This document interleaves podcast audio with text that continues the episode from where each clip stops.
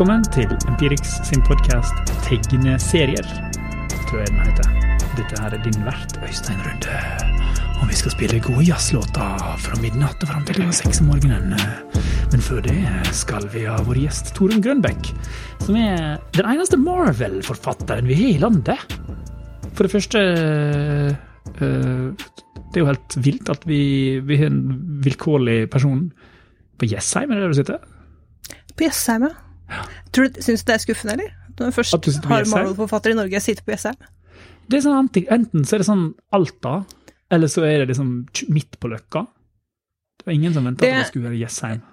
Nei, det, det er ingen som forventer at noen ting, bortsett fra glamourmodeller, er fra Jessheim. Men mm. det jeg har skjønt, det er at amerikanerne, når jeg er i Alta, når jeg er ganske ofte, for der bor min beste venninne Ja. eh, Når jeg tar bilder i Alta, da klikker de. Det er, det er sånn de vil at jeg skal leve. Mm. Jo mer nordlys, jo mer reinsdyr, jo mer spektakulært det er, jo bedre er det. Så hvis jeg er i Alta, så bruker jeg det for alt det er verdt, altså. Og så har jeg en hytte i Finnskogen der jeg sitter fryktelig mye. Og der er det også en sånn en helt normal mengde med du vet, elg og gøyale ting. Det var et villsvin der i, i sommer, det var helt fantastisk. Uh, og det er også sånn som amerikanerne blir helt uh, De syns at det er helt fantastisk. Det er så eksotisk og nydelig. Så det lever jeg godt på, altså. Er det, er det brandbuilding, liksom? Det, føler du at du er hun norske i Marvel-stallen? Eh, jeg vil si at det er veldig sånn eh, tilfeldig brandbuilding i så fall. Jeg, har, det, det, jeg skjønte ikke Altså, jeg syns det er kult når det kommer en elg opp eh, når jeg sitter og skriver på terrassen. Um, men det, det hadde ikke egentlig slått meg at det skulle være så innmari populært. Og så liker jeg at amerikanere, hvis du sier til dem altså Nesten uansett hva du sier, så tror de at det er sant. Um, og det er, det er jo noe av det som er herlig med dem. Jeg er veldig glad med amerikanere, og jeg må kanskje understreke det. Jeg syns USA er helt topp, eh, bortsett fra de helt åpenbare tingene. Jeg syns det er fryktelig gøy å være der. jeg liker amerikanere veldig godt, men det er en sånn De har en skal vi si, en kapasitet for banalitet som jeg ikke helt har kontroll på ennå.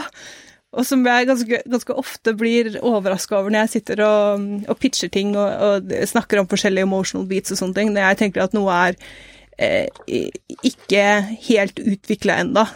Så sitter det ofte folk og gråter på andre siden, og da tenker jeg ja ja, det, ja, ja. det er jo en freebie. Wow. Ja. Fordi um, Føler du at din styrke som manusforfatter er at du er god på eh, emosjonelle De emosjonelle reisene, på en måte? Jeg tror jeg er eh, Ja, jeg tror det er det jeg er best på. Ikke at jeg nødvendigvis tenker på det. Altså, jeg er veldig klar over at i et Marvel-skript så er det en del ting som må til. Jeg er også veldig klar over at det skal sitte et eller annet stakkars vesen der ute og tegne det jeg skriver.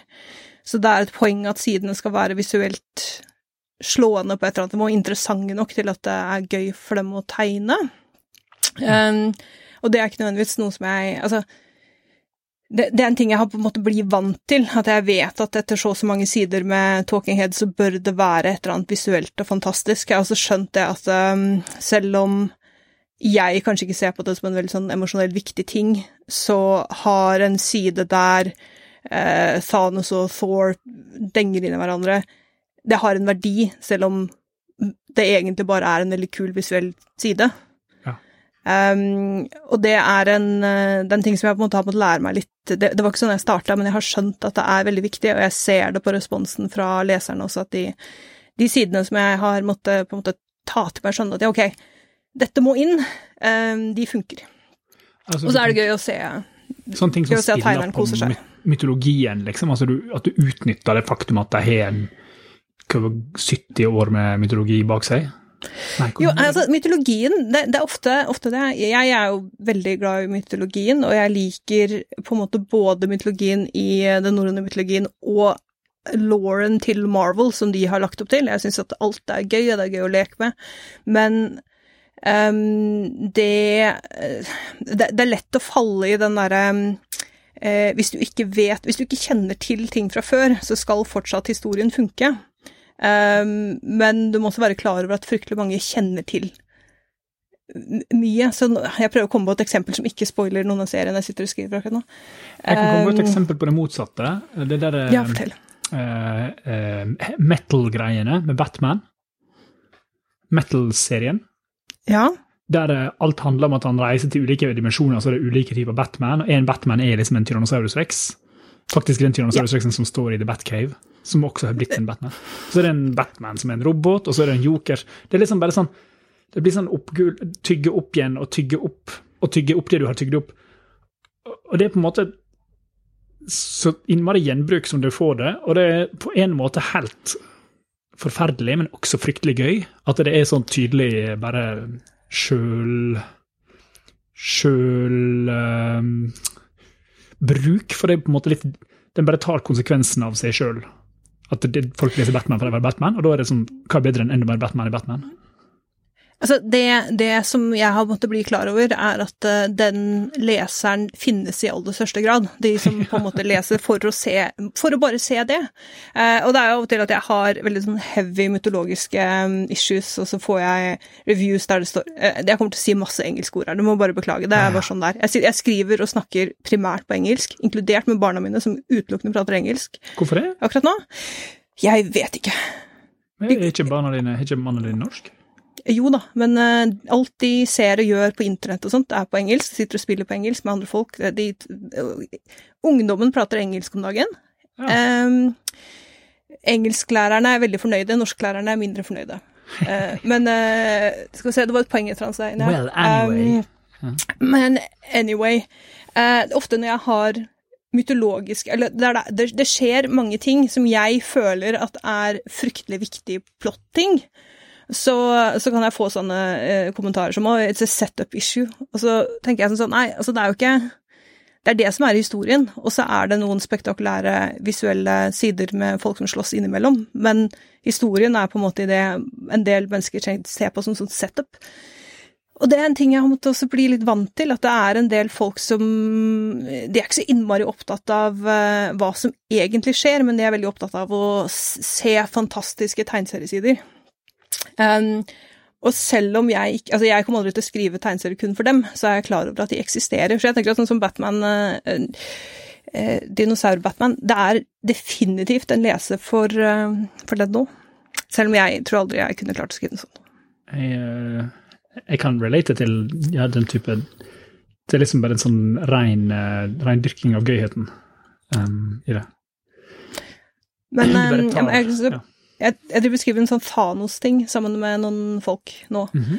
um, og der er, er, litt av min jobb å sette opp de andre historiene. Så jeg bruker veldig mye tid da på å gå tilbake igjen og finne småting. Så hvis du kjenner til Thanos godt, så vil du finne mange easter eggs i sidene mine, Nei. men det er da et poeng at uh, du skal ikke måtte kunne kjenne dem igjen for at det skal funke. Det er vel det jeg prøver å få til på et eller annet nivå tenker hvordan Skal vi gå tilbake til start? Altså til hvordan du ble Marvel Norges Marvel-queen? Jeg er veldig Marvel-person. Hæ? Marvel-person. Marvel-queen! Jeg vet faen, jeg. Jeg vet, om, jeg vet ikke om Marvel ville sett på meg som det, men jeg er jo den eneste norske, så jeg er i hvert fall deres norske Marvel-person. Det er jo noe. Er, ja, det, var, det er vanskelig å være en queen når det ikke er noen andre rundt tronen, på en måte. Ellers er det jævlig enkelt, jeg vet ikke. Ja. Men uansett jeg kan, jeg kan, forresten banne på denne podkasten din, kan jeg ikke det? Ja, ja, herregud. Mye. så mye som mulig. Veldig bra. Veldig, Faktisk. Veldig bra. Ja. Viser at det er det veldig, igjen hvis vi snakker mer om amerikanere her, eh, det er veldig mange amerikanske podcaster som ikke lar deg banne. Og det viser at sånne ting som shit anses som banning i eh, Amerika. Tenk deg det. Oi, ja. Ja, og så er det veldig gøy når du sitter og prater gjennom en hel podkast om Punisher, men hver gang du skriver bullshit, så må det beepes ut. Det er litt gøy, altså. Å oh ja, tvinger du det? Apple kjører ganske hardt hvis du inneholder et bånd, så vi må registrere oss som, uh, som adult. Ellers så blir alt sammen bare kasta ut av uh, Apple. Jeg skjønner. Så jeg tror det, det er sikkert det. Men uh, dette her skal bare registreres som adult uansett. Så. Men ja, du begynte jo med å, du begynte med self-publishing. Altså, du lagde jo bare egne ting som var veldig lekre. Utrolig fine uh, blad der du hadde designa sjøl, og det var sånn sølvspottlakk utapå. Du var ganske sånn forseggjorte dyre ting, der du hadde hyra inn tegnere fra Ja, altså, jeg har aldri hatt noen ambisjoner om å um, tegne en tegneserie selv. Um, uh, nå, jeg, er, jeg er kunstner, men jeg er jeg maler olje, og jeg kunne aldri tegne en tegneserieside, er jeg nesten overbevist om. Um, mm. så det har alltid, alltid vært snakk om å skrive tegneserier og hyre inn tegnere for å hjelpe meg med å få de historiene ut i verden. Um, men ja, jeg starta med å publisere ting selv. Um, jeg har også hatt en Creator-on-bok på Caliber. Og før Altså, før Marvel ringte, så gjorde jeg Jeg gjorde en liten jobb for DC. Det var den første betalte um, work for hire-jobben jeg gjorde, selv om den, det aldri ble Det ble aldri publisert. Som kan, hvis du virkelig har lyst til å få hjertet ditt knust, så er det sånn Skriv Batman, og så at det aldri blir noen ting av. Oi, skrev du Batman? Jeg skrev Batman, jeg skrev Bat ett Batman-issue.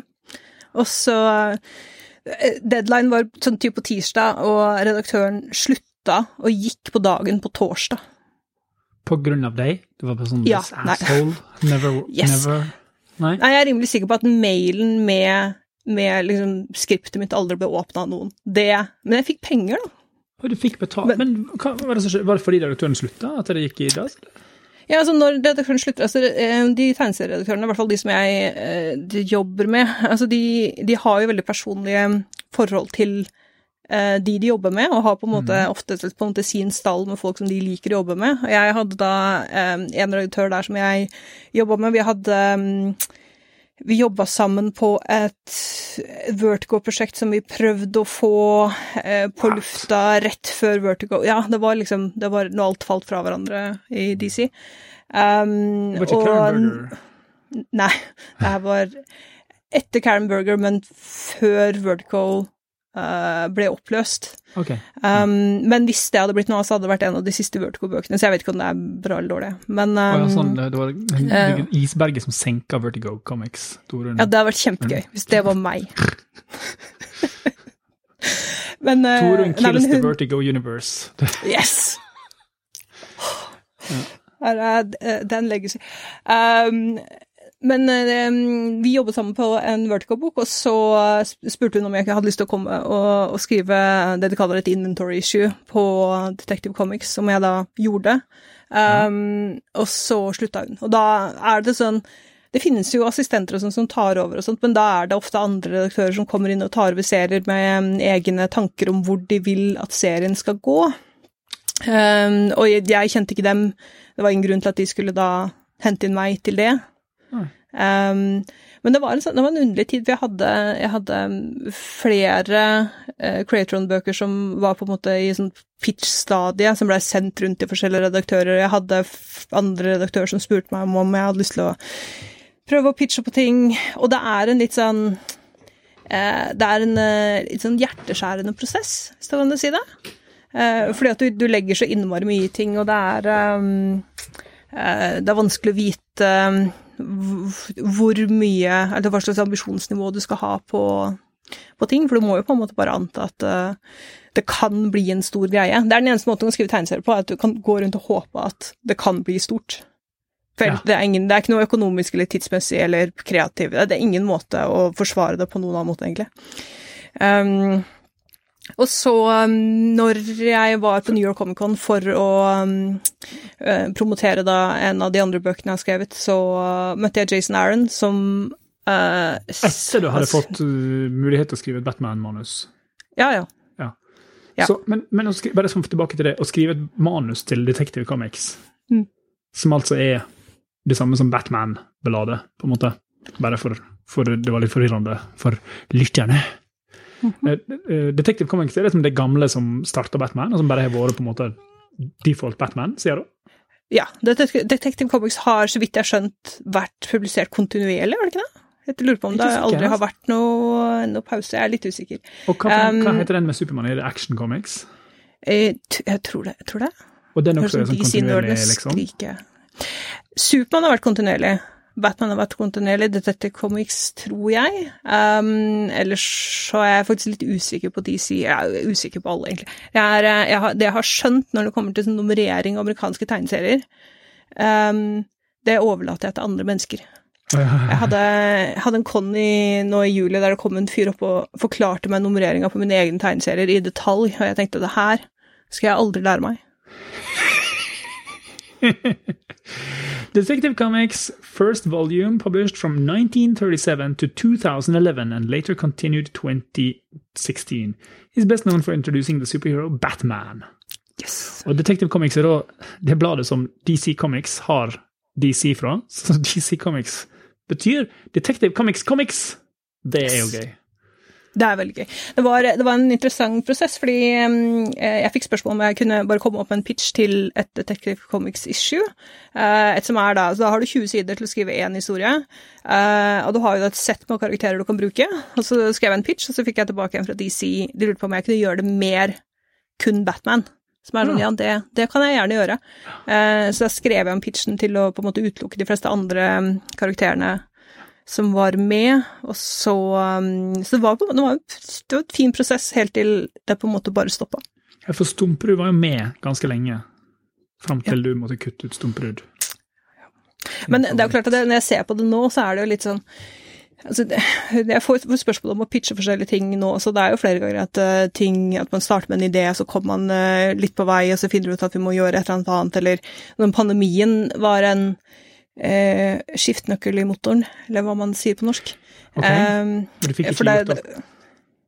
Nei, altså der, der hadde vi en god del planer, og så stoppa Altså, eh, problemet der var at distribusjonen og printinga av tegneserier rett og slett bare sto stille. Ja. Eh, så alt ble pausa. Eller altså, vi, vi fortsatte å produsere tegneserier en stund, men, eh, men det ble aldri printa, så da måtte de bare stoppe opp på stort sett alt, bortsett fra sånn type Thor og Spiderman, men resten bare sto stille. Og det vil også si at alle tidslinjene ble forskjøvet, så da hadde vi Vi hadde events som, vi, som kom som vi egentlig skulle hatt en ting før, og så ble det dytta og fjerna sånn at vi bare kunne gå rett i eventet. Altså det skjedde masse sånne ting som det.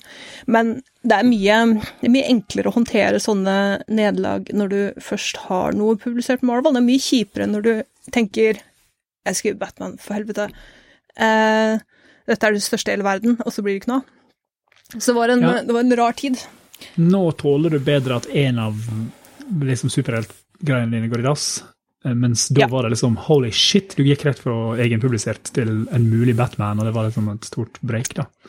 Yep. Og så visste du ikke at du kom til å ha et stort break seinere heller, med Thor og Punisher og Nei, det er litt vanskelig å vite sånne ting. Og det er jo sånn altså jeg, jeg har um, Altså nå har jeg noe å gjøre ut 2023, tror jeg. Sånn at det, ja. nå har jeg kanskje muligens for mye å gjøre, men jeg er jo kontinuerlig nervøs for at jeg enten ikke leverer bra nok, eller at um, en, at, altså, salget styrer 100% tegneserien til Marvel, stort sett. Så Ja, det er på en måte Altså, hvis ikke leserne er der, så spiller det ingen rolle at serien er skikkelig, skikkelig bra. Um, Og det er jo en sånn Sånn som når Constantine, Spurrier in Constantine ble, ble cancela Cancela, høres teit ut. Kansellert. Cancela, for Constantine var Herregud, altså. en sleiping. Han var en sleiping, men uh, Sizeberry skrev Constantine ekstremt bra. Uh, og det var jo en av de seriene Det var en av de best reviewa seriene i 2020, eller når det var. Mhm. Så, men altså, salget var ikke der. Og selv om eh, salget var fortsatt mye bedre enn det du får på de første Craytron-seriene, så er det klart at hvis du har um, Hvis det er DC, så er det Hvem er det nå? Warner Bros? Nei, hvem er det som eier Hvem er det som eier Warner Bros igjen, da? Hva er det de, de, de, de, driver jo skal vi si, kutter av hoder her nå. Kutter det av er eh, Ja, var det ikke Hvilken film var det nettopp uh, Batgirl ble cancella. Og så tror jeg det var en animasjon av han der eh, Gumball, den fantastisk kule katt eh, som er veldig leken med formspråket. Yep. Gumball. Det er underlig hvordan eh, de har, de har vel en plan, men, eh, men det er klart at det, det er ikke nødvendigvis relatert til kvaliteten på tegneserien, som er grunnen til at eh, Nei, det er blir sier jo gjerne kvalitet, men det er jo liksom litt Nei, det var Scooby-Doo! Scooby-Doo-film som gikk i dass. Det kan jeg leve med. Um, Det kan jeg også leve med. Ja. Jeg kan også egentlig leve med Batgirl, men, men det, er en, det er en underlig, det er en underlig ting. Constantine var verre. De sier noe dårlig, men det er vanskelig å vite i og med at ingen Ja. Jo, jo. Altså, historisk sett, basert på tidligere Statistisk sett, sånn DC-messig, så var det vel en ganske dårlig film. Jeg syns de ikke var, var relativt uh, kule. Jeg syns sånn Shazam var kjempegøy. Og Shazam var kjempegøy, men det, det som er at Shazam var på en måte Altså, jeg skjønner ikke Nå skal ikke det her bli en sånn filmpodkast, altså. Filmpodkast med Øystein og Tore. Eller kanskje det Du skulle jo ha jazz fra midnatt til sju om morgenen. Åh, det kan vi gjerne gjøre. Jeg har ingen intelligente tanker om film. uh, men men jeg, jeg syns at det har, vært, det har kommet mye rart ut derfra. Og sånn som, eh, sånn som siste Wonder Woman-filmen, jeg skjønner ikke hva som skjedde. Jeg skjønner ikke hva de drev med. Det var, det var en film, altså. Det var en film jeg så Jeg hadde ikke vært på kino på to år. Eh, Jeg var i Drammen, og der var det åpne kinoer under pandemien. Og jeg ble sånn Holy shit, det er et kino her! Dette er et magisk land. Jeg kan gå på kino. Det er forbudt moro. Drammen! Ja. Så jeg, så dro jeg på smultringbutikken Hawker, og så sa jeg sånn Jeg gikk inn på smultringa, så sa jeg sånn Ja, vi har sånn steng, stengetidssalg. Du kan få en koffert med smult. Så sa jeg shit, men jeg har ikke cash, og kortet mitt funka ikke. Så, og så fikk jeg låne cash av hun jenta i sjappa, sånn at jeg skulle få et lass med smultringer. Faen, det, er, det er jo noen bra mennesker her i verden, altså. Ja, jeg vippsa henne etterpå, men det var liksom dagen etter, for alt var mobilnålig. Og så drar jeg og ser på Wonder Woman 2 med en ubegrensa mengde sånn dritusunne smultringer, der én av dem er nok til å liksom stoppe hjertet på hvem som helst. Eh, Så jeg syns Wonder Woman 2 var dritbra, jeg, Torun. Jeg skjønner ikke hva faen du snakker om. Skjønner nei, nei, det er helt supert. Det jeg syns var helt fantastisk Det her er en spoiler alert, Ja. uh, men helt, helt på slutten her, når eh, hun Tigra. når, Nei, når, når hun går rundt på slutten, og så ser hun uh, han fyren som han uh, What's his face? The love interest. Ja, hun, fordi kjæresten til, til, til Wonder Woman dør i film 1, og så blir han reinkarnert i kroppen til en annen dude. Så Wonder Woman der Ja, voldtar gjennom to timer fordi hun kan. Nettopp.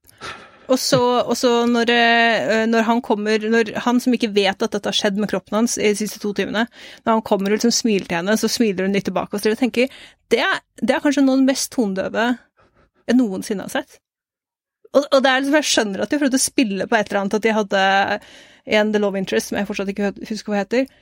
Når han gikk rundt og så ja. på, på alle flyene og var imponert. Altså, Chris det er jo en sånn ikke klassisk Jo, det er det han heter, men det kan hete i, eh, i filmen. Jackfruit. Fruit. Steve Steve Rogers? Nei, det er jo Captain Nei. Det er jo en annen. Eh, men han går rundt og ser på alle, alle flyene, og er imponert av alle flyene og ser Ja, på han jager pilot, og så dør han i og det- 45. Ja. Ja, og så, og så er det en veldig sånn, det er en veldig sånn klassisk er ting vi ofte ser at jenter gjør. De går rundt og er sånn Wow, du mann, du har så mye tanker om ting. Og så var det litt gøy at de gjorde det, det motsatte. Så de prøvde å gjøre et eller annet, og så bare feila de så jævlig på slutten her. Når de tenker Hva er det dere driver med? Ja, uansett, da. Eh, DC-filmer. Ikke alltid fulltreffere. Jeg likte Wonder Woman 2 mye bedre enn den første, men det var litt med settingen og sånt. Altså, hadde jeg hatt smultringer, så hadde jeg også likt den bedre. Ja. Og så var det noe med å bare være på kino. Bare sånn kino! Er du gæren? Magi. Altså, jeg så den med covid, jeg kunne ikke smake, så jeg mener Ja, da hater man jo livet og alt. Ja, fy faen, altså. Og så er det nok litt sånn jeg, Altså, det er den der eh, Jeg tror nok det har vært litt sånn Er det så nøye å være sexslaven til Gal Gadot i et par måneder? Type, det var nok en sånn logikk som er sånn det. prinsipielt amoralsk, men i Men det er- veldig sånn Altså, hadde det bare vært eh, Altså, hadde det bare vært amoralsk. Eh, det liker vi jo. Men de får det liksom ikke helt Altså, det, det, det irriterte meg. Men det var masse, masse ting som irriterte meg. Det var, det var masse ting Altså, eh, eh, jeg har en Nå er jeg veldig glad i sånne andre verdenskrigsfly. Ja, du, du er gæren etter det! Du lager smykker! Jeg er gæren etter som. Hun, er helt nuts etter sånne andre verdenskrig-greier. Er Sånn, hun og Garth Ennis er fucking Hva er greia med dere? Ja. Nei, det, jeg vet ikke. Det som er kjempefint, er at jeg jeg er god venn med Garth Ennis, så hver gang han er på sånne ting, så sender han meg små videoer av at han sitter og ser på en eller annen Spitfire et eller annet sted, og så gjør jeg det samme. Så istedenfor at vi er eh, Altså, jeg har noen å dele med, da. Det er helt supert. ja, skjønner. Men eh, i denne forbanna Wonder Woman-filmen så hadde de ikke engang fått inn en jævla pilot til å dobbeltsjekke. Bare, bare de små Altså, kunne de ikke bare fått noen til å Bare sjekke skriptet. Det jeg skulle ønske. Og er det sånn film, Uansett. flygreier, eh, liksom? Sånne andre verdenskrig-ting som Ja, de får masse flygreier feil, og det irriterte meg usannsynlig. Ja. De, åh, nei, uff meg. Vi må tilbake til det å bli Nå skal Pirik Pirix sine lyttere lære seg å bli Marvel-forfattere på én, to, tre. På to uker. Ok, først må jeg gjøre, begynne å skrive tegneserier. Yes. Eh, det er Det er dag enkelt. én. Ja, Dag én, skriv Men, tegneserier. men, ja, og det, det gjør du eh, ved å finne ut av hvordan man lager et skript, og så setter du skriver en tegneserie. Og så husker du at du ikke er eh, Guds gave til menneskeheten, så derfor så går du gjennom den tegneserieskriptet mange ganger. Og når du føler deg skikkelig fornøyd, så finner du en tegner og betaler tegneren penger for å tegne skriptet ditt. Det vil si at du, da må du passe på at det er skikkelig bra, for det kommer til å koste deg dyrt. Ja. Hva gir du per Um, side? Altså, det, det kommer litt an på. Jeg ville satt av 150 dollar per side. Mm. Og så 50 dollar til fargelegging, og så 25 dollar til lettering.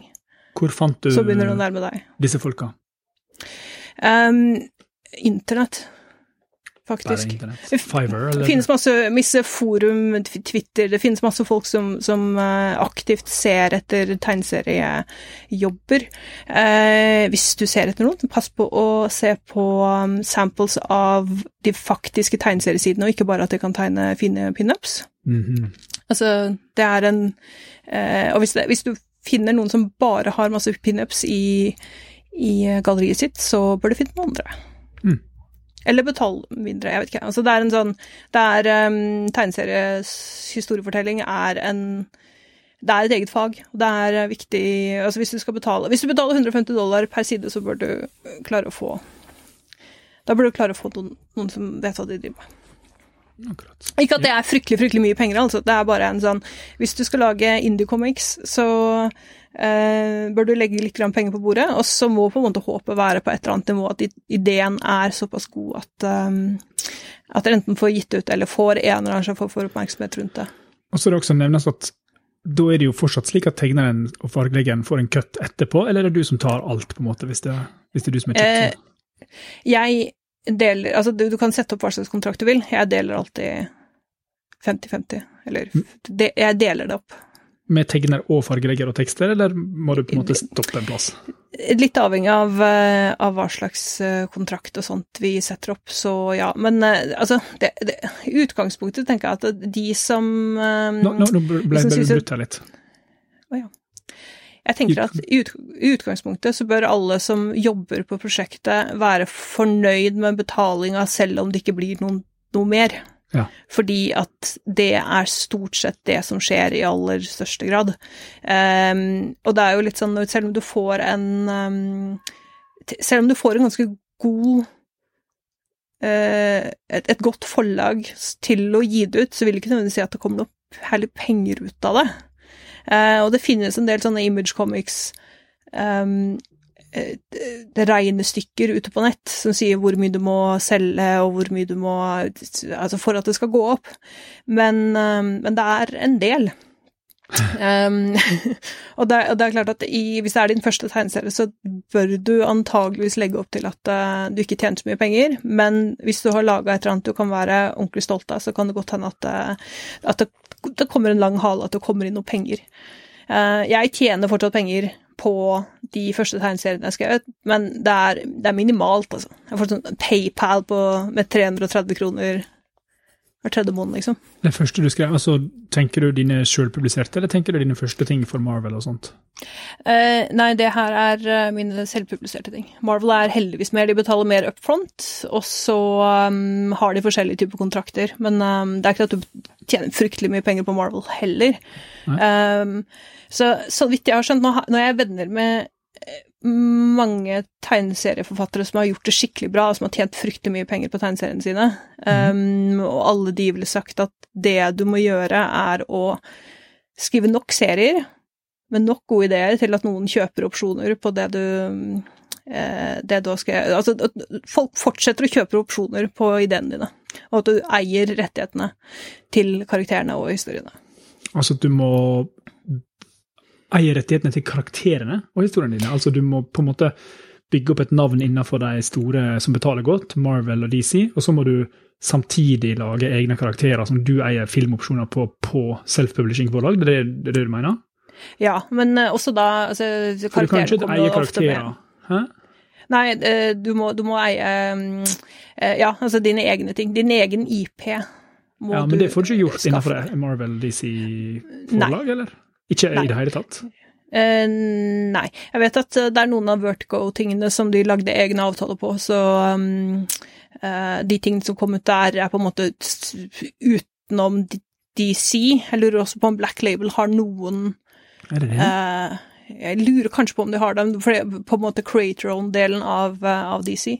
Men, men når det kommer til Altså, alt jeg lager for Marvel, eier Marvel, og de har ingen eh, Det har jo vært store saker om det i det siste med mm, nå som Marvel-filmuniverset har blitt så utvikla som det har blitt, at eh, de tar jo Det aller meste kommer jo på et eller annet nivå fra tegneseriene.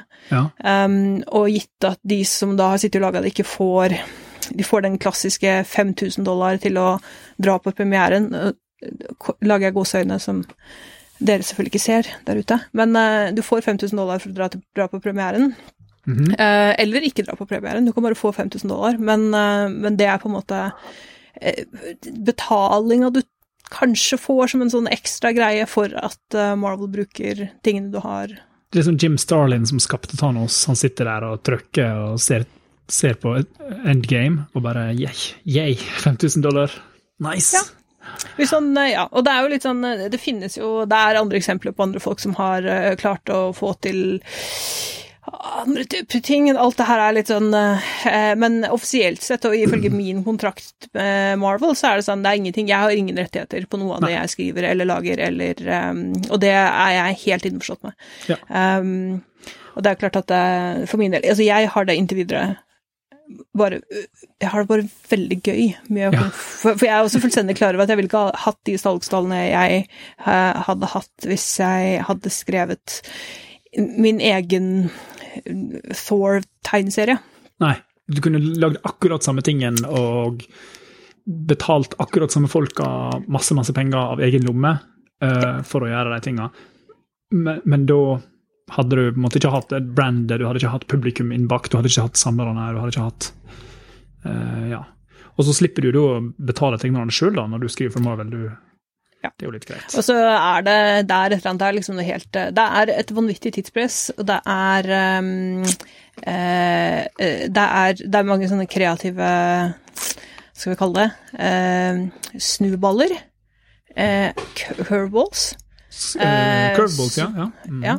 Så, oh, ja, så sånn- er, det er, Nå, nå er det den den karakteren dør, og du, den døde i et annet blad, så du må fjerne den. Ja, de er litt sånn. Og er sånn Oi, ops, vi glemte at de, er, de sitter fast i et svart hull akkurat nå, så hvis vi kunne ha brukt en annen karakter der, selv om Ja. du har skrevet hele disse første tre issuene med den Har du noen andre vi kan bruke, hva tror du?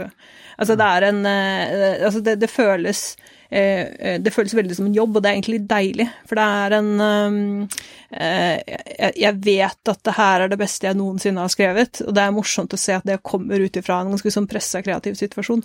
Så er, Ja, jeg føler at jeg lærer fryktelig mye om å, å skrive ved å skrive på den måten her. Du, du, du skjønner at kvalitet og eller sånn integritet ikke handler om å trampe med foten og si nei, men å si OK, hva med? Hva med? Finne løsninger, finne hjertet i det du prøver, å, prøver å, skrive, finne ut hva, som egen, hva det egentlig er du prøver å si, og så finne en måte å fortelle det på. Ja. Og jeg- tenker at det er en sånn derre eh, Jeg kjenner at jeg har veldig, veldig lite tålmodighet for den eh, eh, Kanskje Jeg sier det med litt forsiktighet. Den litt sånn norske sånn anti-sci-fi, anti-superheltgreiene. Altså Som jeg av og til møter på den litt sånn småpretensiøse greia som Så det er ikke litteratur hvis det ikke handler om en liten gutt på 60-tallet som uh, har vondt i hjertet. Det, det sliter jeg litt med, altså. Og det er noe med Det er uh, Jeg har funnet at det, jeg kan skrive historier om nesten hva jeg vil, så fremt noen slår hverandre i løpet av På et eller annet tidspunkt må noen slå noen. I Det I Marvel, vel, eh, i Marvel, I Marvel. Når du skriver Marvel, så må det må være litt grann punching. Eh, og så eh, og, og, og det er eh, fascinerende, for en av de tingene som Altså, nå skriver jeg, jeg Vi har kanskje aldri sagt det, um, hva jeg faktisk skriver. Um, akkurat nå så skriver jeg en serie som heter Jane Foster and The Mighty Thor, som er da Thor den, eh, og Jane Foster, som er um, Lady Thor til tider. um, og så skriver jeg Punisher. Eh, og så skriver jeg litt Thanos, og så har jeg skrevet eh, litt Warhammer, som er da samarbeid med Games Workshop, altså den offisielle Warhammer Sisters of Battle-tingen. Um, og så skrev jeg litt andre ting. Men det som er fascinerende, er at eh, sånn som nå så skriver jeg når jeg skriver Thor-universet, så er det på en måte ganske sånn klare regler på Altså, vi kan ha vold, men det er um, uh, det, er, det er mye færre drap enn f.eks. i Punisher.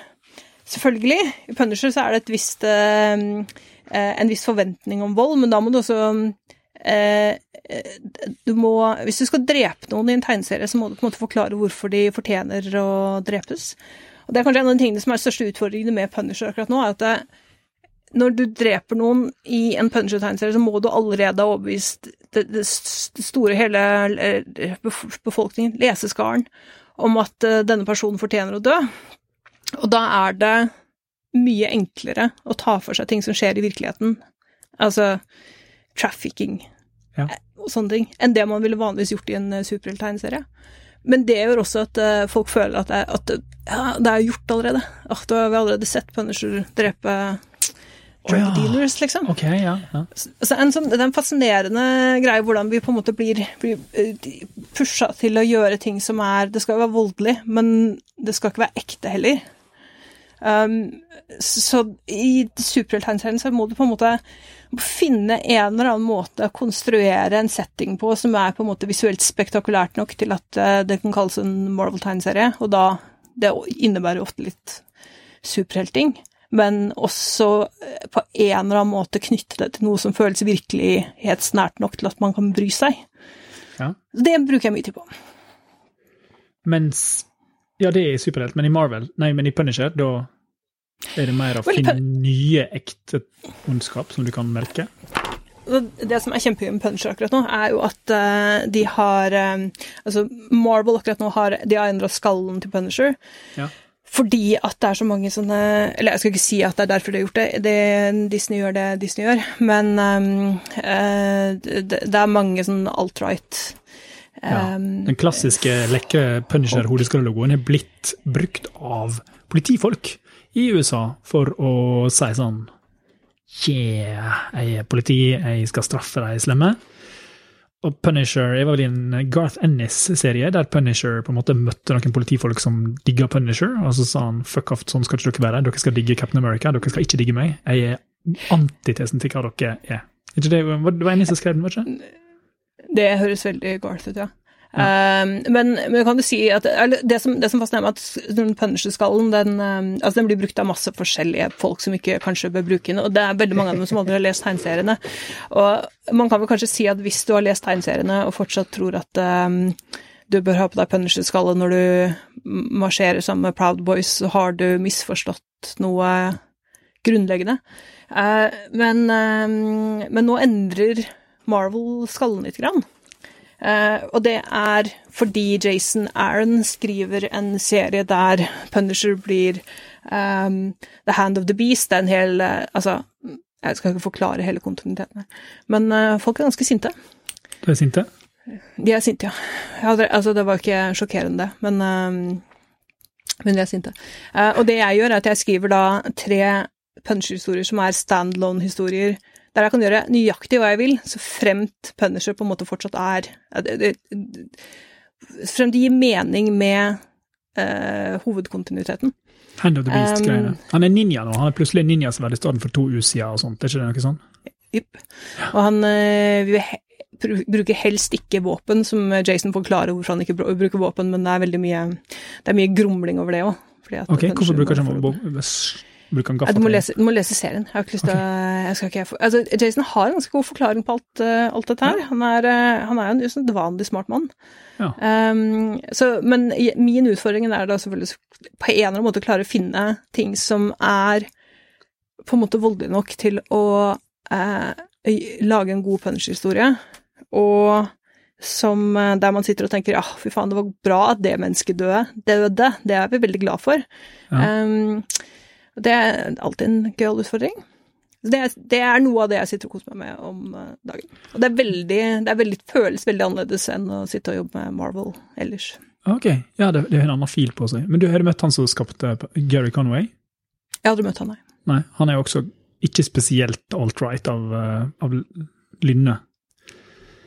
Så det er jo litt sånn, litt sånn Judge Dredd-syndromet at ironiske vigilante figurer er litt vanskelig å få til uh, uten å appellere til den uironiske vigilantefølelsen som vi alle kanskje har inni oss. Den derre suget etter å straffe. Åh, straffe overtramp. Men det som er gøy, er når man ikke Hvis du, bare, hvis du, hvis du leser Judge Dredd og tenker det her er en skikkelig bra ting, ja. sånn burde vi hatt det. Eh, og så gjør du det i 35 år, og så sender du, sender du sinte meldinger til eh, 2000 AD fordi du tross alt har lest Judge Dredd i 35 år, og du vet jo tross alt hva det handler om. Ikke kom her med å være politisk korrekt. Altså, det er jo nydelig hvordan folk kan dedikere så mye tid til noe, og så bare komplett misforstå det. Ja, det er trenger er et medium for små barn, det. Det er sånn, som det er. Små barn og gamle menn. Ja. ja. Nei, det er litt Samtidig så er det sånn fint at veldig mange forskjellige folk bryr seg og forholde seg til ting, da. Det er veldig gøy når Altså, det, det var morsomt når folk syns at Sandman har blitt woke. Det var sånn den, den, utrolig apolitiske og uwoke serien Sandman har plutselig blitt ødelagt av wokeness. Det, det Altså, det, jeg, det, det er um, uh, Det som fascinerer meg med det, er at jeg, at, jeg vet ikke om de har lest serien i utgangspunktet, eller om de Det tror jeg, jeg, jeg tror jeg har lest den på ekte. Bare ikke fått med seg ting. Bare ikke, ikke skjønt det. Nei, jeg, vet ikke. Men, eh, men det, som, det jeg ikke skjønner, da, det er hvis, hvis du tenker at uh, Hvis du har en karakter, og så, um, og så er du sint for at det ikke lenger er en hvit mann, men karakteren er den samme, den gjør den samme, den sier den samme, og gjør, det, gjør, det gjør den oppfyller nøyaktig den samme funksjonen som det det hadde i serien originalt, er du helt sikker på at du behøver å være sint da? Altså, det er noe med, er noe med den uh, Hvor kommer egentlig sinnet fra? Er det fordi at uh, noe har vært endra fundamentalt, eller er det bare at uh, det viser seg at den karakteren ikke handla om å være en mann? Eller whatever. Og det er en sånn, det er en sånn ting som jeg, jeg syns er, er, underlig når det kommer til tegneserier og når tegneserier blir oppdatert på forskjellige måter, sånn som uh, hvordan kvinnekropp vises i tegneserier. Uh, jeg syns det er underlig at menn tør å stå Voksne menn, altså. Stå og si Altså, hvis ingen tar og dytter borti pikken min i annethvert panel, da klarer ikke jeg å følge med på en historie. For det er jo det man i praksis gjør. Sånn, ja, du klarer ikke å lese en en superhelthistorie hvis det ikke er pupper i hvert annet panel. Da får du ikke med deg det som skjer. Jeg skjønner det ikke, at de tør. For det høres fryktelig dum ut. Og det er noe med Og det er liksom sånn som eh, her, her, Nå skal jeg si en setning jeg veldig sjelden sier. Men som kvinne ja, Som kvinne. Som kvinne! Så blir jeg Det, det er altså, få ting som irriterer meg mer enn eh, når kvinner må være sexy i grunnleggende usexy situasjoner. Hvis vi ikke får lov til å være stygge når vi ligger døde på ja, sånn, ja. Ja, altså det er liksom sånn, Noen ganger så må vi faktisk få lov til å ikke være hotte, liksom. Det er, og, det, og, det, er sånn som uh, i siste Jane Altså, i den siste Thor-filmen, der Jane Foster, altså min karakter, er så hun har jo kreft i tegneserien. Ja. Og, uh, og, det er en veldig viktig del av Jane Foster sin backstory, det her med kreften. Og veldig mange av leserne som jeg forholder meg til på en daglig basis, leser min tegneserie på grunn av den storylinen som var uh, i Thor for noen år siden. Um, og hun er ikke vakker i den tegneserien. Da er hun, hun er svak, og hun er tynn, og hun har kreft. Uh, og det at de klarte å gjøre Natalie Portman altså, Hun var jo ikke Hun var ikke muskuløs, men hun, fortsatt, hun hadde håret sitt fortsatt, liksom. Hun ser vakker ut når hun ligger der i sykesenga. Det er litt for teit, altså. Ja. Um, ja. Fair. Ja. Ha, ha. Um, så, så, noen som er usannsynlig lite Hva skal vi si eh, Nå er jeg veldig for vold eh, og nakenhet generelt sett. Ja. Så er det bare, det er bare et spørsmål om på en måte lage en Jeg skal kanskje ikke si realisme, men, eh, men bare være klar over at hvis man bruker porno som referansebilder hele veien, så kommer kvinnene til å merke det, og kanskje det tar oss ut av historien.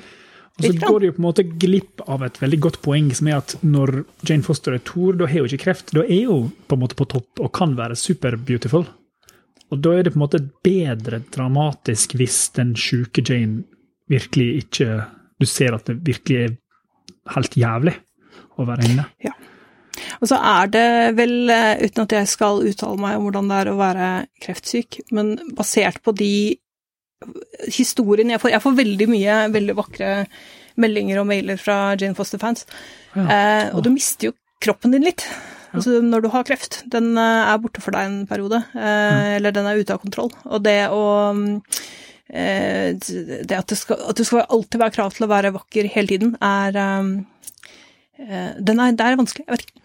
Jeg følte kanskje at den filmen ikke var helt den riktige mm, plassen å ha introdusere fenomenet kreft til Marvel-universet, da, og er litt usikker på akkurat hvilken Marvel-film som er den rette filmen å introdusere dette er kreft til Marvel-publikummet. Altså, det, det jeg syns var dumt Nå skal jeg uttale meg veldig forsiktig her, selvfølgelig, men eh, eh, Altså, det, det, er en veldig god storyline i, um, i, tegneseriene, og det er jo den tegneserien som når, den, når det ble annonsert at Jane Foster Eller at det skulle være en kvinnelig Thor, altså det var en stor greie i USA. Det var, det var på The View, det var på alle late night-showene, det var, ja. det var liksom en, Før serien hadde kommet ut, så var det en stor greie. Um, og, og med en helt sånn Ja, men hvordan er det mulig? Og det er også Jason Jason Aaron som, um, som skrev den serien, og han han hadde en plan og gjennomførte, og den, det står på en måte fortsatt som en av de beste superheltseriene noensinne skrevet, vil jeg påstå. Og det ble vel på en måte bekrefta når filmen kom også, for da ble det det var veldig mange som eh, tok opp igjen og leste serien og gikk gjennom, og mm, det er en nyskapende serie på veldig mange måter, og den fikk gitt all den kritikken og alt det hatet den fikk før den kom. Ja. Så eh, jeg vil si at den landa veldig bra.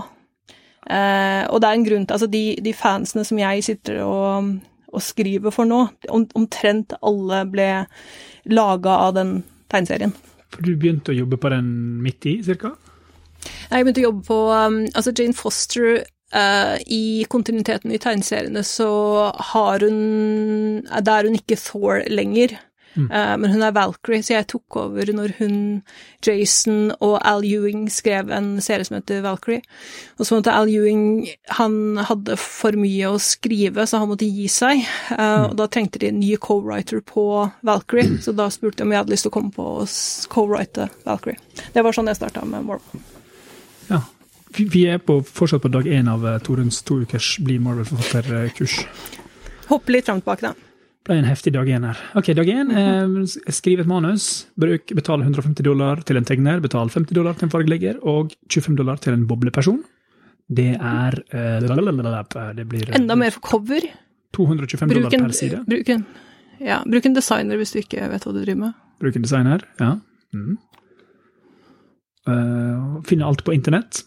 Og du har lagd en sjølpublisert tegneserie. Dette her koster deg da ja det er ganske mange tusen, altså. Det er ganske mange tusen.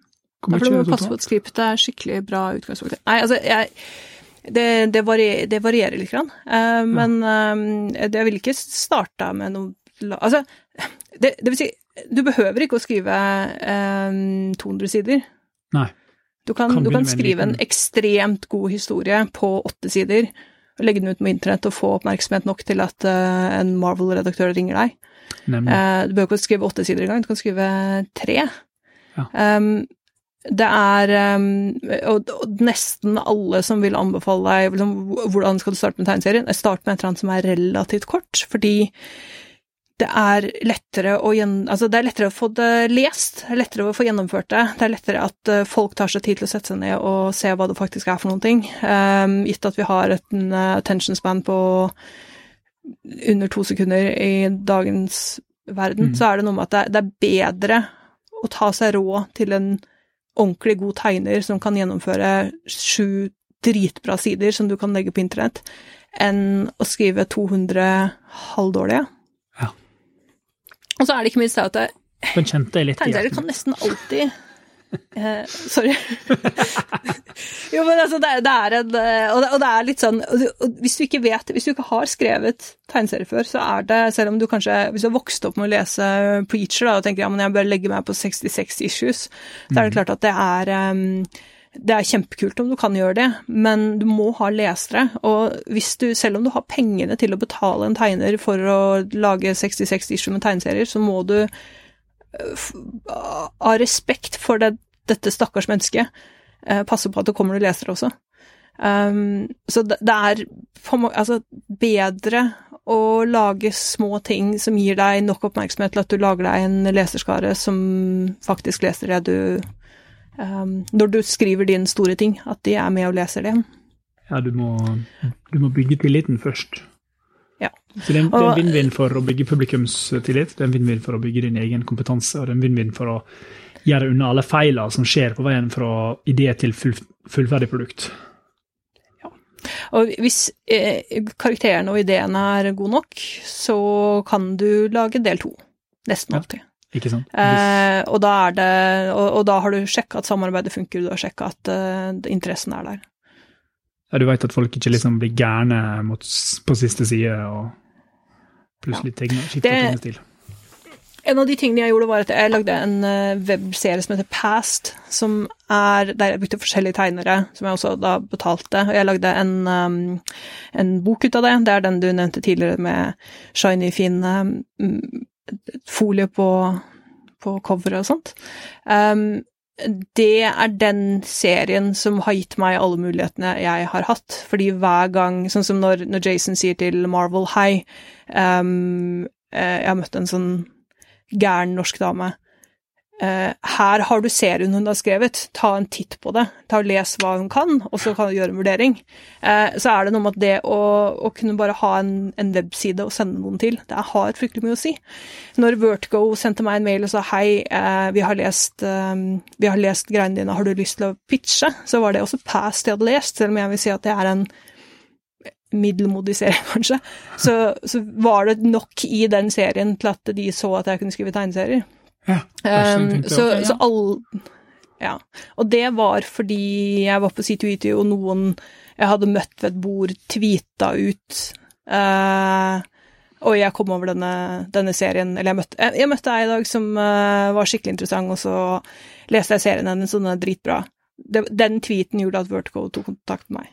Fantastisk. Så det å lage noe som er lesbart, kort, og som eh, viser at du vet hva du driver med, og har respekt for eh, samarbeidspartnerne dine, få det ut på internett. Det var dag én. Mm, nice. Går ganske bra her. Dette her har jo bare tatt en dag. Ja. det, det, ja. Dag to så er du allerede ansatt av Marvel, og så er det fiks ferdig. Det var det. Ja.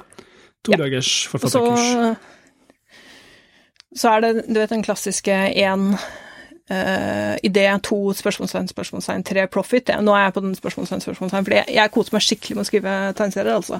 Men uh, uh, jeg skjønner jo at det jeg egentlig blir gjort nå, er å satse mer på create serier og um, lage um, Du vet, lage mer IP og sånt. Mm -hmm. Men jeg sier at det, akkurat nå, nå om dagen uh, kjenner jeg litt på den der samfunnskollapsen rundt oss. Jeg, jeg vet ikke helt hva slags hva slags historier som egentlig er veldig viktig å fortelle akkurat nå.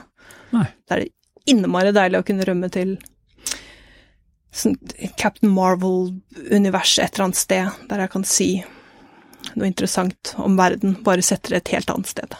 Ja. Så jobber du jo på en måte Du bygger jo opp et navn innenfor det der greiene uansett. Så det er jo Du har jo på en måte god tid på deg til å, til å finne den roa. Så... Det kommer an på samfunnskollapsen, da. Ja. Det kan jo hende at vi eh, må bruke neste år til å hogge ved og du vet Ja, da var det hytte på Finnskoga. Men eh, ja. Mm. Altså, du, jeg har, jeg har hus på Jessheim. Altså, mm. Jeg vet at vi alle prater om uh, strømregninger og sånt om dagen, altså, men den, den strømregninga vi får for, for august uh, den er Vi har ikke satt på én ovn, vi har bare to unger som dusjer, og så vasker vi klær, liksom. Det kan vi skal gjøre. Hvor, hvor høy er strømregninga? Nei, vi snakker godt over 20 000. For en måned? Og så kommer det jo strømstøtte på et eller annet tid. For en måned. For august! Ja. Det er det ikke, som sagt, det er ikke på én ovn. Nei. Det, er- det er ikke en skjønner jeg at eh, vi alle bruker datamaskiner og vasker klær og dusjer og sånne ting, men jeg bare, det er, eh, jeg bare skjønner ikke helt hvordan desember skal gå. Nei, det, Men det går sikkert fint. Ja. Mm, jeg, hadde et, jeg hadde jo et hus i Sverige, i Arvika før, men eh, det var jo stengt, stengte grenser, så jeg fikk jo aldri besøkt det. Og til slutt så var det sånn Å, orker ikke mer, nå må jeg bare selge det. Og det angra jeg litt på. Hæ? Ja, det hadde jeg også angra på. Skutt. Ja, jeg angra. Men, men akkurat nå, eh, med de strømprisene, så er det jo kanskje ikke så fælt, da. Altså, hytta på Finnskogen, den, der er det så mye ved allikevel, og litt av sjarmen med å være der er jo den derre eh, Ja, nå må vi bruke to timer om morgenen for å få det varmt. Det er jo litt av grunnen til at man drar ut i skauen. Det er det, og så er det det som er litt gøy med, med å bo i skauen. For jeg gjør det ganske ofte. Jeg drar dit, og så eh, Det beste er hvis jeg bare blir sluppet av i skogen. Jeg har ikke bil, jeg har mat og uh, laptop og masse ved. Og så, og så er jeg i skogen i ukevis.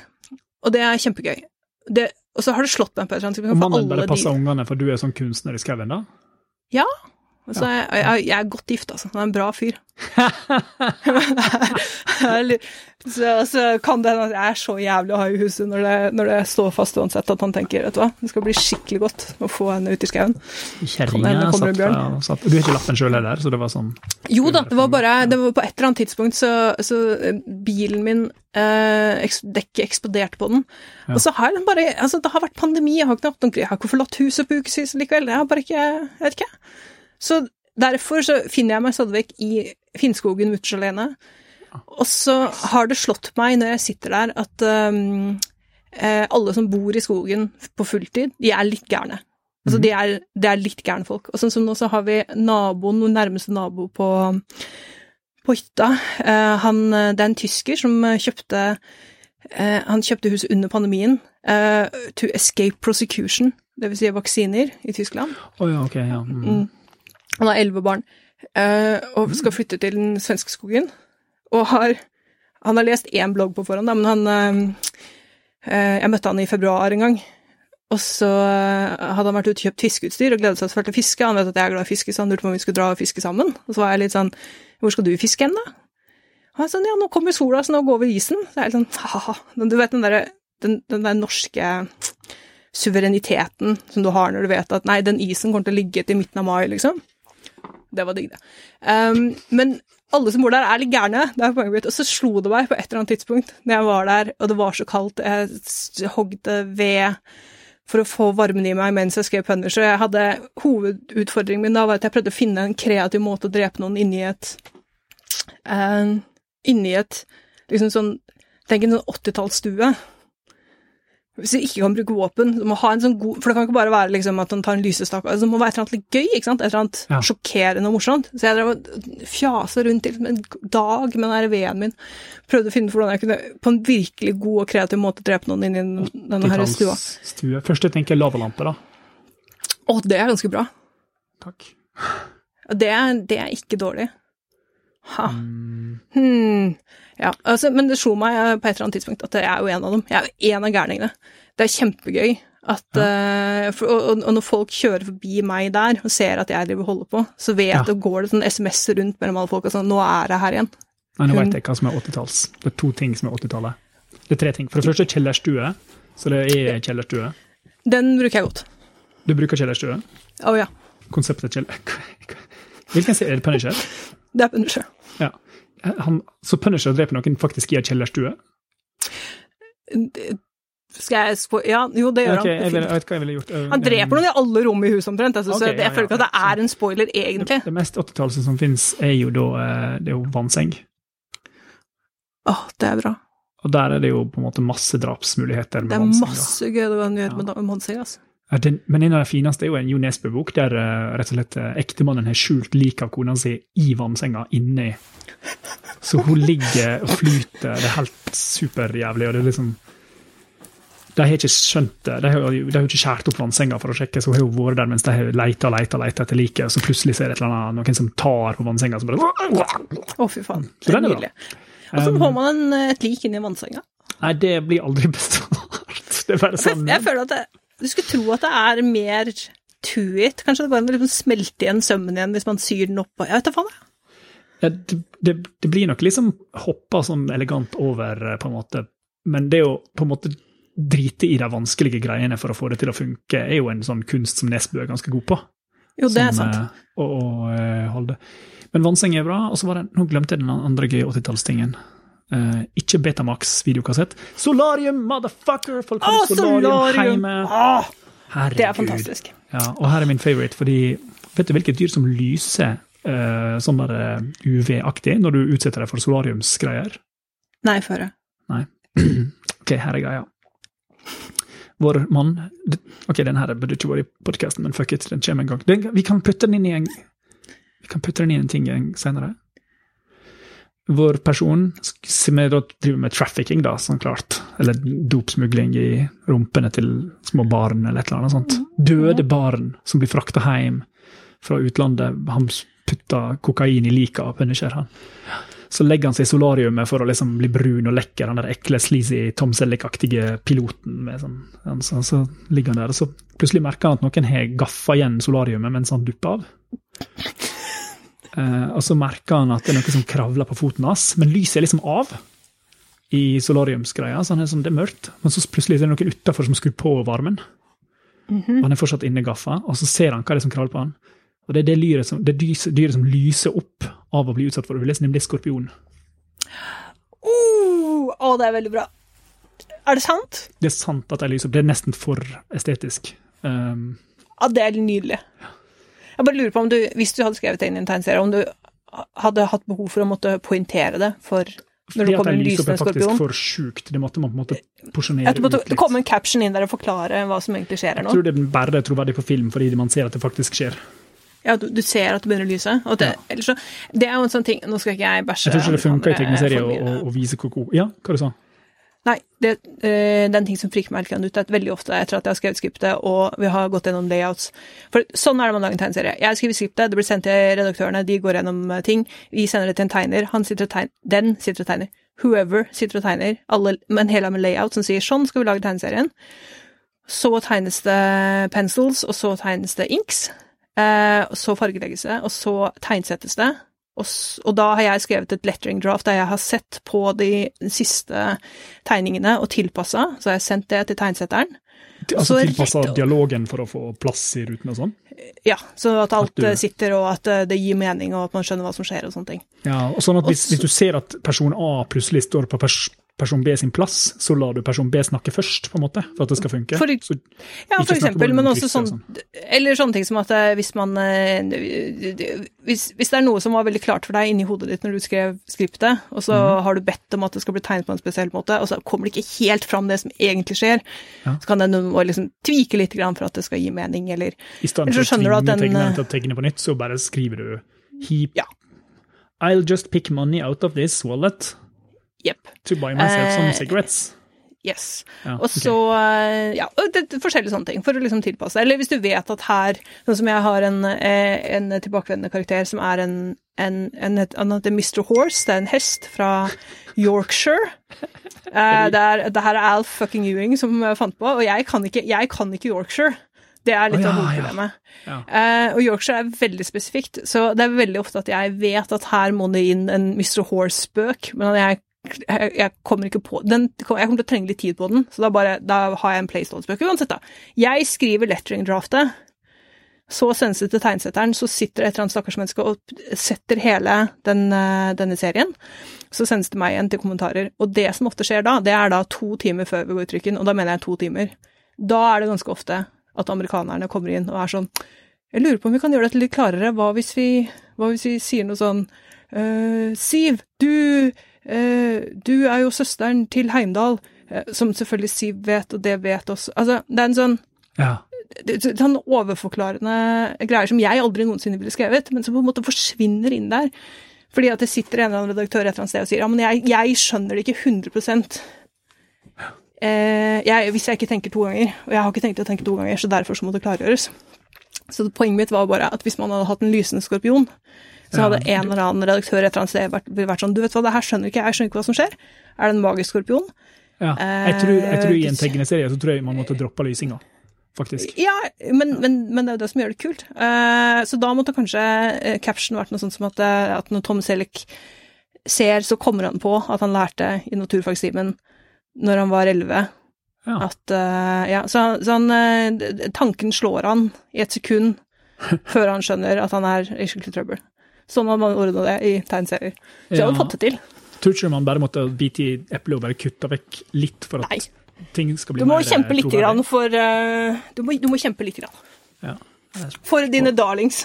Ja, vi, vi tar det i filmen eh, i stedet. Ja. Det der, det der har jeg kjempelyst til å se, ass. Jeg bare sier det fordi jeg, eh, jeg, jeg er ikke noe særlig på å holde Sitte på, skjule påfunn. Men jeg, det der har jeg lyst til å gjøre. Den har jeg lyst til å se en gang. Det, er det bare én ting å gjøre, det er å skrive det inn i en film. Med Ja. en gang. med en gang. Så, og hvis noen eh, stjeler fra meg fordi de hører den podkasten, vel fortjent! Klarte du å stjele en idé? Bra jobba! Bra jobba, men ta også eh, Du må gi navnet til eh, Tom Selleck-mannen, han møtte Øystein. Ja, eller Thor. Det er din jobb å finne en backstory til hvorfor det er plausibelt at eh, mannen som syr igjen barnerumper, døde barnerumper med dop i, heter Øystein. Det der med å bruke babyer til dopsmugling, det er en sak fra Oslo for øvrig. Det var en utrolig uggen Fra Oslo?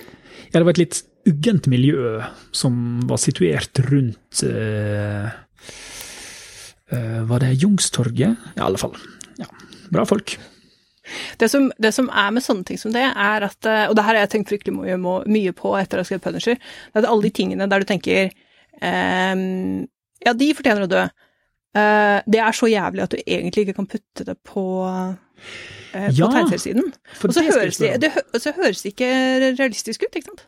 Nei, Hvis man er sånn, du vet hva de gjorde? De tar døde, døde barn og, og, og syr inn dop i rumpen deres. Altså det, det, altså det høres jo ut som Ja, eller han seriemorderen eh, som eh, arrangerte grillfest for naboene der alle fikk lov å komme og spise. Oh. Og naboene var sånn 'Å, hyggelig med en grillfest. Det er nemlig litt trist i vår familie for tiden, fordi Fordi Fordi det Bestefar er borte? niåringen. Og niåringen, uff da. Mm, som er sånn det, det, det er en seriemodellen som ingen lager film om. Eller det er bare sånn Denne seriemodellen bare vil vi ikke snakke om i det hele tatt. Jeg sier ikke navnet hans engang. Det er sånn.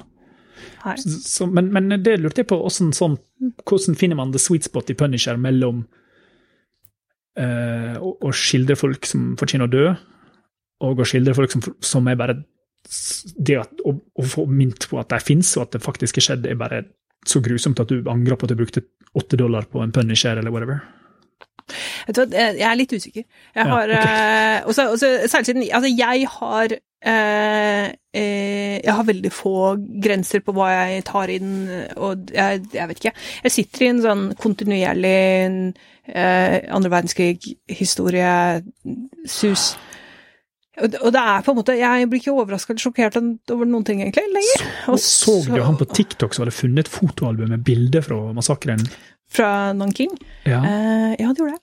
ja. Og så så Eh, jeg det, den underlige hvordan det Hvordan det? hvordan det, Nei, det, det klarte å bli det klarte å bli sånn TikTok-drama rundt det, at han skulle komme der og lære folk om uh, Nanking-historie og sånt. Altså, det, TikTok er et eget dyr, altså.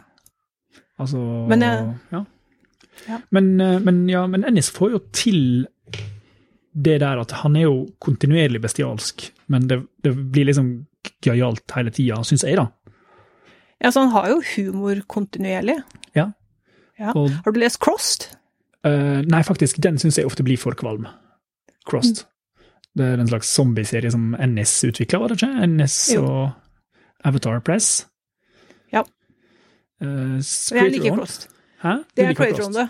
Ok, Jeg ja. liker Crossed, ja. Jeg syns Crossed er helt supert. Det vil si, jeg liker Crossed når den er skrevet av Ennis og Spurrier.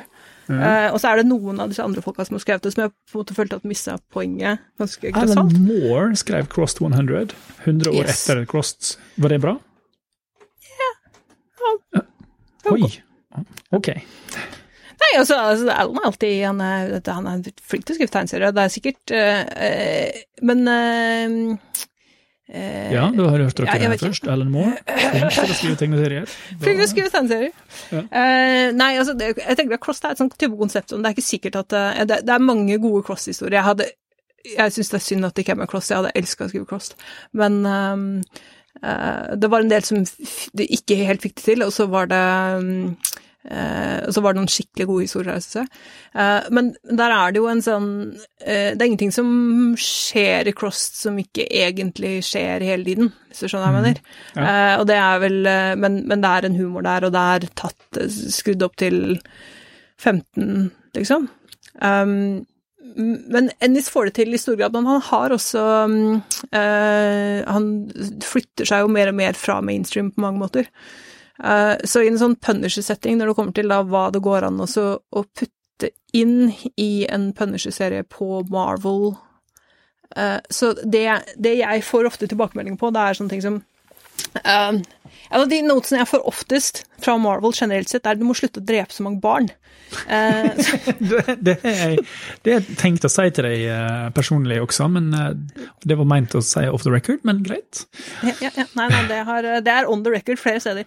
Ja, det, det, vokser så, det vokser og spirer i Finnskogen, litt for grønt og fint. Altså, det er eh, Jeg vet ikke, jeg må ha noe å gjøre. Eh, Det er en um, eh, Der er det, det er, Du kan komme deg med ganske sånn eh, ganske voldelige ting, men det handler da om å passe på at settingen er riktig på et eller annet nivå. Eh, og jeg syns ofte at det er når settingen er litt off, at det er da det er mest interessant. Eh, Så det er mange, mange steder der jeg har hatt ting som jeg har tenkt at det her hadde blitt skikkelig bra, og så har det blitt tona ned litt, og så vet jeg ikke om det derfor fungerer like bra. Eh, men, uh, men det er jo ikke Altså, det er ikke jeg som mm, publiserer det, så jeg må, jeg må på en måte bare rette meg etter de tilbakemeldingene jeg får. Men, uh, men det er en sånn Uh, det, er, det er mange av de tingene som er de verste tingene vi driver med i verden i 2022, som er så fæle at det er vanskelig å faktisk snakke om dem. Og vi har også en sånn underlig sånn politisk greie som driver og skjer nå. Så du den siste Top Gun-filmen? Ja. Når, de- var uh, ute og slåss mot en Rogue Nation? En Eh, diffus og det er, det er jo litt interessant Ja. Ja. Det er jo interessant når vi har kommet dit at vi ikke klarer å, å på en måte finne på uh, en geopolitisk situasjon der vi er sånn Nei, men det, dette er settingen. Nå Da finner vi oss i å fornærme en del folk. Vi kan kanskje fortsatt fornærme russere, jeg vet ikke, men utover det så er det liksom begrenset hva vi får lov til å gjøre. Um, og i en sånn Punisher-setting så er det eh, Det er vanskelig da å For du må på en måte klare å gjøre ting som er skikkelig fæle, men passe på at det ikke, um, at det ikke blir feil på en eller annen type måte. Um, så, så da er det er det noe med å bare finne ut av de tingene som det går an å vise fram, men som fortsatt gjør at du ender opp med å sitte og tenke fy søren, det er bra at dette mennesket dør på slutten. Hva er, det man, hva er det som fortsatt går an, da? Altså, jeg tror jo at det er en sånn eh, eh, Det handler om eh, vold mot eh, folk som der, der det helt åpenbart verken er skyld eller eh, motiv Altså når, når det er en komplett uskyldighet involvert Ja. på en måte. Og jeg tror at eh, man klarer å se forskjellen på Altså, det er ikke noen forskjell på mord og mord, men det er det. Eh, og vi vet alle hva den forskjellen er, selv om vi ikke har det fra et sånt eh, lovlig standpunkt, kanskje. Mm. Um, og vi vet alle når man tråkker over grensene som er som på en måte finnes der ute. Det er, en, det er en forskjell mellom å drepe noen som står med et våpen mot deg, og drepe noen som er fullstendig uskyldig og ikke har noen mulighet til å forsvare seg. Mange, det er mange Ja. historier som bare handler om å bygge opp en tilfredsstillende avsky for en, en eller annen person, og så ekspedere dem, liksom. Sånn. Yep. Um, The Boys. Les Punisher. Ja. og les Altså, Punisher. The Boys er uh, Mm. Ja, eller, eller min Punisher. Ja. Ja. The Boys er kjempekult. Eh, har, du, har du lest tegneserien? Ja, ja. Mm. Har du lest, eller sett serien? Uh, ja, jeg har ikke sett den helt ferdig, men jeg ser på den fast, ja. Topp. Og veldig bra eh, TV-fisering av eh, The Boys. Det er jo helt nydelig eh, Ja, det er, casting. Det er jo også fascinerende. jeg trodde ikke Ja. jeg, jeg trodde ikke de kom til å få det til så bra, men uh, fy søren, de har gjort det bra. For det er, en, det er en, egentlig en, en ikke-filmatiserbar tegneserie, bortsett fra at hvis du ikke da gjør det, da, selvfølgelig. Kjører på.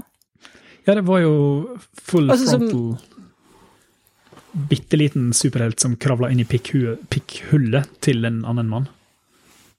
Eh, Ganske tidlig Ja. i sesong tre, bare for å eh, sette tonen, liksom. Det, det, er jo, det er jo tydelig sånn Nå må folk få vite hva det her går i, og, og hvor, det kan, hvor det kan legge fjøla.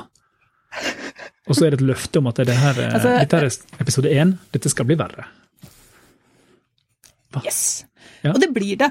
Det, er, altså, det, det som er gøy med The Boys, er at de har heller ikke hatt så innmari mye. Der har du hatt eh, Garth, som har gitt uh, en sånne Han gir jo alle sine veldig sånn konkrete, enkle panelbeskrivelser, men så har du sånn som John McRae, som er en, god venn av meg, som har Altså, hvis han bare kan sitte og tegne mm, liksom pikker og Stort sett bare nakne menn, tror jeg jeg kan si Mhm. eh, som gjør forferdelige ting med ekstremt hårete baller. Hvis han bare kan gjøre det hver dag, dag ut og dag inn, så er han en lykkelig mann, altså. Ja. Så han, jeg tror han hadde i hvert fall noe av Herogasm-delen på The Boys. Kose seg. Ja. Og nå ser vi resultatet på skjermen. Ja. ja. Og de er happy med um, McRae og, og Ennis og um, uh, Derek Robertson. Er happy med alt sammen. Det de, eier, de eier den. De eier Jeg tror at de eier um, Ja. Uh, jeg tror de har rettigheter på det meste. Jeg tror det deles med Det er vel Dynamite, tror jeg, som har Ja. For The Boys starta vel også som Vertigo, hvis jeg ikke husker helt feil.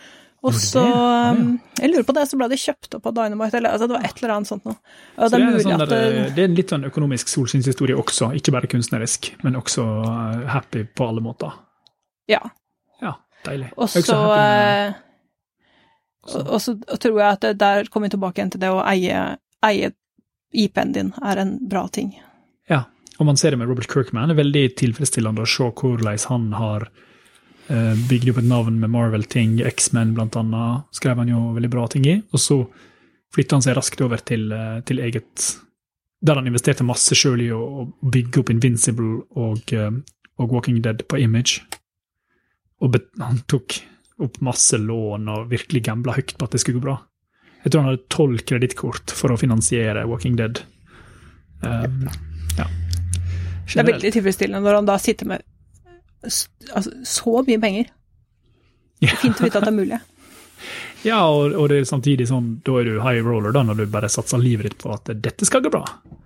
Um, og det sier jo litt om hvor sinnssykt sjøltillit og, og, og kokones man må ha for å liksom komme noen vei. Altså, det er vel et element av galskap inni det, at du tenker Ja. at eh, Altså, jeg tenker det av og til når jeg sitter her med, med litt sånn Jeg fikk spørsmål om jeg hadde pensjonssparing her om dagen. Ja. Og så hadde jeg den der, du vet, når jeg har vært selvstendig næringsdrivende i 15 år, eller hva faen det er for noe, jeg er litt sånn Jo da, nei, det er vel Jeg har jo 4000 kroner på en pensjonssparingkonto et eller annet sted. Det ordner seg. Så det, du må jo på en måte gå inn i det med en eller annen sånn syk innstilling om at det på et eller annet tidspunkt så vil noe funke. Et eller annet du kaster på veggen vil bli sittende og, Mm. og bli veldig bra. Det har jeg brukt å ha, men pandemien var litt sånn Da, da kjente jeg plutselig sånn eh, All usikkerheten i livet mitt kom litt sånn i en stor klump. Um, det var ubehagelig. For den der tryggheten på at vet du hva, alt ordner seg for snille menn i 40-åra. Den, den gikk litt i uh, dørken. Så ordna jo alt seg, da, men det, var ikke, Altså- det visste ikke jeg. Eh, Gjorde det det? At det ordna seg, eller at det Eh, Ordna alt seg? Alt? Nei, men det jeg gikk greit. Jeg fikk ja, Jeg måtte jo selge huset, da. Eller jeg følte jeg måtte selge huset, så det var kanskje en sånn panikkreaksjon. Men, men jeg eier jo Bjølsen. Jeg Ja. er jo nye prosjekt på gang. Altså, jeg tror at uh, menneskeheten sitter med en eller annen sånn idé som at, uh, om at det finnes en eller annen sånn kosmisk balanse her i verden. Sånn at når vi har hatt det veldig ille, så må det nødvendigvis skje noe bra og sånne ting. Uh, og det og, og jeg tror at vi, sånn, vi inderlig tror på det. Så Hver gang det skjer noe skikkelig skikkelig fælt, så er det sånn ja, men åh, det kommer nok til å liksom balansere seg. Men det gjør jo ikke det. Det er jo bare at på et eller annet tidspunkt så går det litt over. Og så er det nye utfordringer, og så, og så blir det mindre Så vi, kommer, vi overlever jo det aller meste. Eh, men eh, jeg er eh, eh, Jeg har bare tro på kaos her i verden. Jeg har ikke tro på balanse. Derfor driver du ikke med pensjonssparing. Nei. Men jeg har et hus på Jessheim, da. Ja, ja, sånn Inntil videre. All sånn build-up, liksom, alt, alt sånn oppbygge en sikkerhetsnett. Al- al- Å bygge opp alle mulige sikkerhetsnett er viktig da, for å kunne, for å kunne holde på. er noe med det. Og det er litt sånn sånn herre Ja, og så og så er det noe med at han hadde en um, Han hadde jo en bra track record på det tidspunktet. Jeg tror ikke Ja. det, altså det, var ikke, det er ikke like mye gamble som det du gjør hvis du ikke vet hva du driver med, men du tenker at jeg har én idé, og den er dritgod. La ja, meg bruke tolv kredittkort. Ja, ikke sant. Ja. Ja. Det er sant. Hm. Ja, men det er det mer vi må snakke om uh, før vi lar Empiriks lyttere få sovne. Skal vi bølleringe til noen? Vet du hva, jeg bølleringer ikke folk. men Du må gjerne gjøre det, så kan jeg høre på deg bølleringe folk. Mobilen min er død nå, for den gikk tom for batteri. Men kunne bølleringe Ja. til. Det viser at selv om jeg har veldig mye humor, så uh, når det kommer til sånn uh, generell bølling Ja. uh, og skjult kamera og sånn, så har jeg altså jeg har ingen humor, altså. Ok, fair enough. Nei, jeg tenkte mer uh, se om vi kunne dra inn en Men du, du snakka om Før vi begynte å recorde her, så snakka vi om uh, at jeg mente du hadde god sosial intelligens, og du ble veldig glad fordi du bor i hytte i skogen mesteparten av livet, mener du? Um, men du forklarte det med at du bare liker at ting skal bli gøy. Så Altså, hvis ting er gøy, så vil du fikse Hvis ting er kjedelig, så vil du fikse det. Jeg, det, jeg holdt på å fortelle deg en historie som Ja. eh, Det er ikke, det er ikke nødvendigvis at det er en sånn superbra historie, det er bare en veldig sånn beskrivende historie om hvordan jeg ikke klarer å lese situasjoner. Eh, jeg, var- jeg var på en, en bursdagsfeiring her, uh, og det var liksom første gang jeg var ute av huset på en ganske god stund. Og så var det Det var, det var en del litt, litt sånn fancy folk der. Uh, ikke sånn superfancy, men liksom akkurat nok til at det Altså, det var mye sånne gensere som lå over skuldrene istedenfor at de var på, hvis du skjønner hva jeg mener. Ok. Ja, altså. Og så var det sånn at disse menneskene som, jeg, som hadde denne festen, har et maleri som jeg har malt i stua. Og så, og så sto Og jeg, jeg blir veldig ukomfortabel når folk står og forteller meg at jeg er flink, jeg vet ikke hva jeg skal si. Eh, Jeg kommer med veldig mye dårlige spøker og sånne ting. Og så sa, sa han Han eh, sto og pratet Vi er der, de er masse folk, en, en, gruppe mennesker som står og prater om dette maleriet, og jeg står der ukomfortabel. Og så sier han som eier, da, han som eier huset, han der sånn ja, men det er et Åh, se Torunn, Du må se filmen av Torunn når hun maler. For det er altså som å se en printer. Det bare liksom, det bare det raser nedover. Og det, altså, det er altså Og så, så sier jeg til ham at det, det å være Altså det å bli sammenlignet med en printer, det er jo ikke så veldig koselig, fordi at eh, printer er jo trenger alltid en firmware-oppdatering, og det er dritslitsomme, og fungerer jo aldri, og eh, ikke sant. Og så bare fortsetter han. Det er det jeg prøver å spøke med. ikke sant? Og han får sånn Nei, nei, men det, men det er liksom bare sånn det bare, det bare går nedover som en sånn ja, Som en printer. altså Det er helt fascinerende å se på.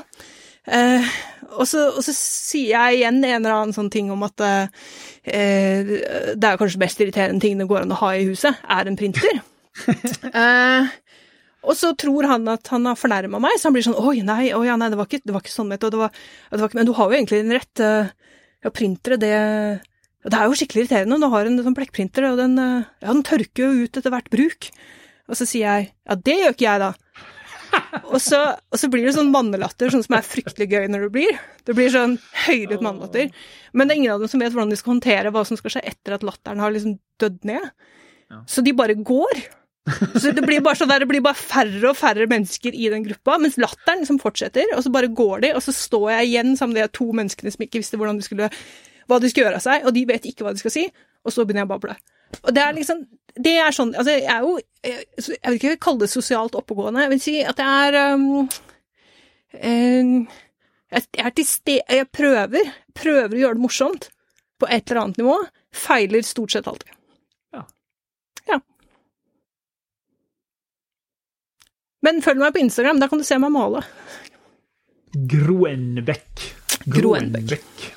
Punktum. Eller nei, ikke punktum. Et eller annet. Jeg tar faen, du finner meg. Noe mer? Nyttig info? Det, trenger, trenger folk å vite mer om uh, dine produkter? produkt? Hva, hva som kommer ut med neste?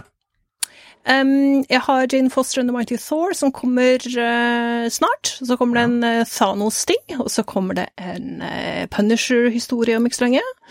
Eh, jeg har ingen datoer på lager. Og så har jeg masse, ligger alt du lager på websidene dine, f.eks.? Eller sånn I stor grad, ja. ja. Så kommer det fryktelig mye gøy til neste år, som jeg gleder meg veldig til. Så jeg gleder meg til å komme tilbake igjen og snakke til deg om nye greier. Ok, så det skjer, en, det skjer en liten sånn der eh, demning skal briste, og Mm. masse ting som ikke er eh, Thor og Warhammer og uh, Ja, det, det er jo det som er problemet, at jeg kan aldri prate om det jeg faktisk sitter og jobber med. ja, ja. Men det er jo det jeg har mest lyst til å prate om. Jeg veit jo hva du jobber med. Litt. Og det kan ikke jeg si heller. Så eh, det blir eh, ekstra hyggelig å snakke med deg neste år. Ha det.